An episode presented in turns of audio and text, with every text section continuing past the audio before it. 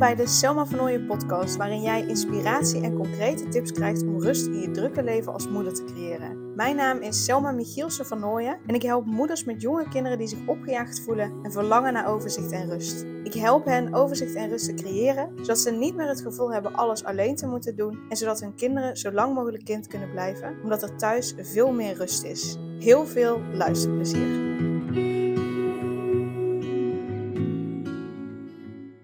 Oh, ik ben echt ergens achtergekomen. en dat wil ik met je delen in de hoop dat uh, je daardoor ja, je misschien niet zo alleen voelt als je, uh, ja, als je dit herkent. Want um, twee afleveringen geleden, dus een aflevering uh, eh, 206, heb ik het over hoe je een burn-out voorkomt. Omdat ik zie dat veel van mijn klanten uh, daar of tegenaan zitten of eigenlijk al een burn-out hebben.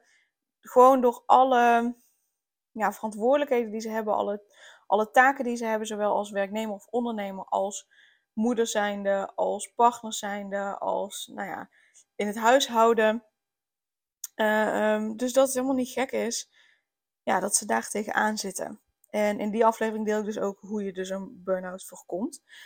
Maar nou kwam ik er dus achter dat er voor ouders gewoon een speciaal woord is, of eigenlijk twee woorden, uh, voor ouders die een burn-out hebben. Dus dat er gewoon, dat het, dat het eigenlijk zo, nou ja, vaak voorkomt, dat er gewoon een speciale benaming voor is. En dat is de parentale burn-out. Dus, eh, dus uh, ja, ik, ik hoop dat de boodschap overkomt dat als je dus merkt, hey shit, uh, ik zit er echt even doorheen. Het, het, is, het is te veel. Ik, ik voel me continu moe. Uh, ik kan er bijna niet meer bol werken. Ik kan er bijna niet meer aan. Dat het dus heel normaal is dat er meer ouders zijn. Meer, veel meer ouders dan je denkt die tegen een burn-out aanzitten. Dus die, of misschien al wel een burn-out hebben.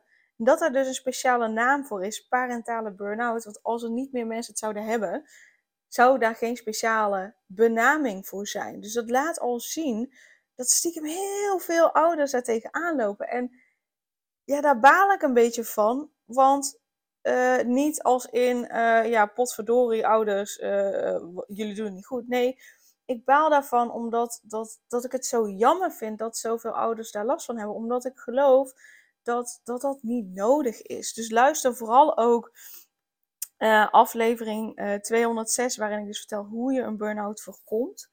Uh, um, maar ik vind het vooral vervelend ook voor die kinderen. Met andere woorden, ten eerste, het is dus helemaal niet gek dat je er last van hebt. Er hebben veel meer ouders hebben er last van.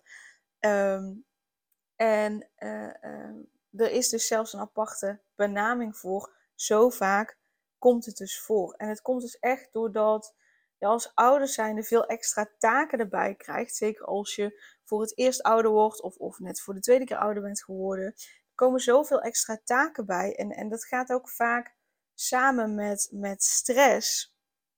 En dat vraagt gewoon heel veel energie.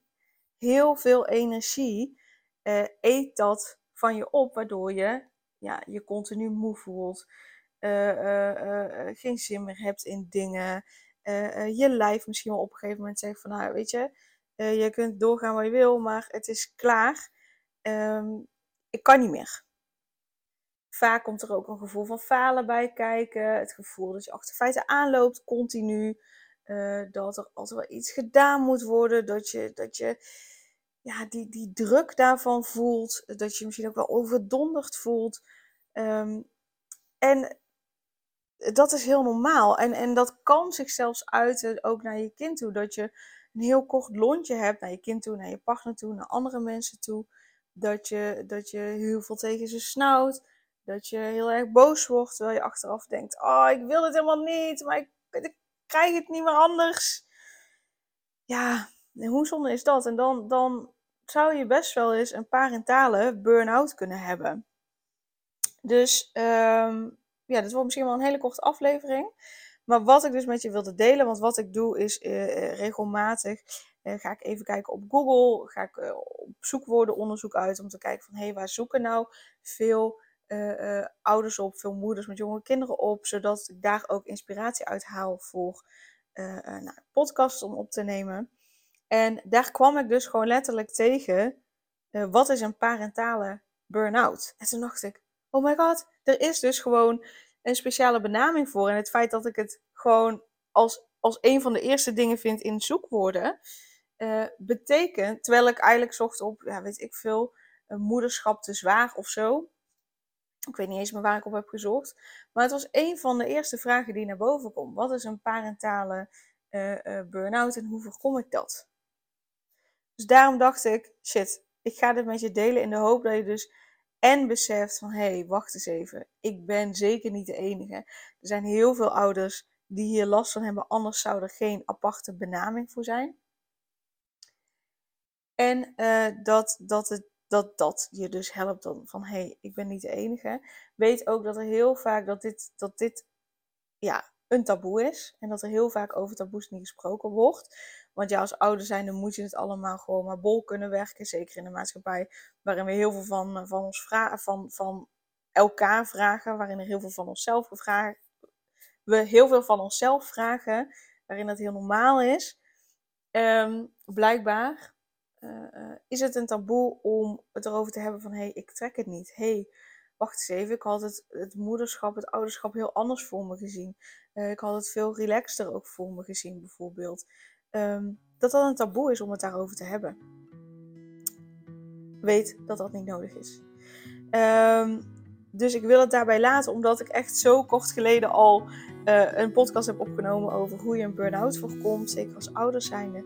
Dus luister even aflevering 206 als vervolg uh, op deze aflevering. Dan, uh, ja, dan gaat je dat zeker helpen. Yes?